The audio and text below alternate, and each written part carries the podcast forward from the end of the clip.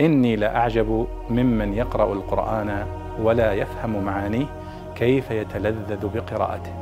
كيف يتلذذ بقراءته.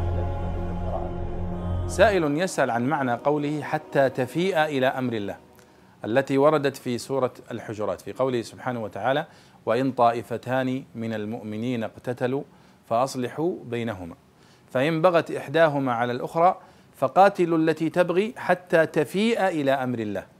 فمعنى قوله فاءت تفيء بمعنى رجعت.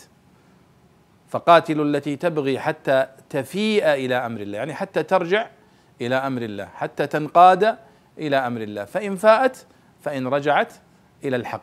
فاذا هذا معنى فاء يفيء ومنه الفيء وهو الظل لأنه يرجع ويعود. فيقال له فيء. وكذلك الفيء الذي يؤخذ في المعركة. فإنه يقال له فيء كأنه رجع إلى المسلمين وهو كان حقا لهم قد أخذ منهم ثم رجع إليهم. فإذا فاء يفيء الفيء كلها مأخوذة من معنى واحد وهو معنى الرجوع والعودة. والله أعلم.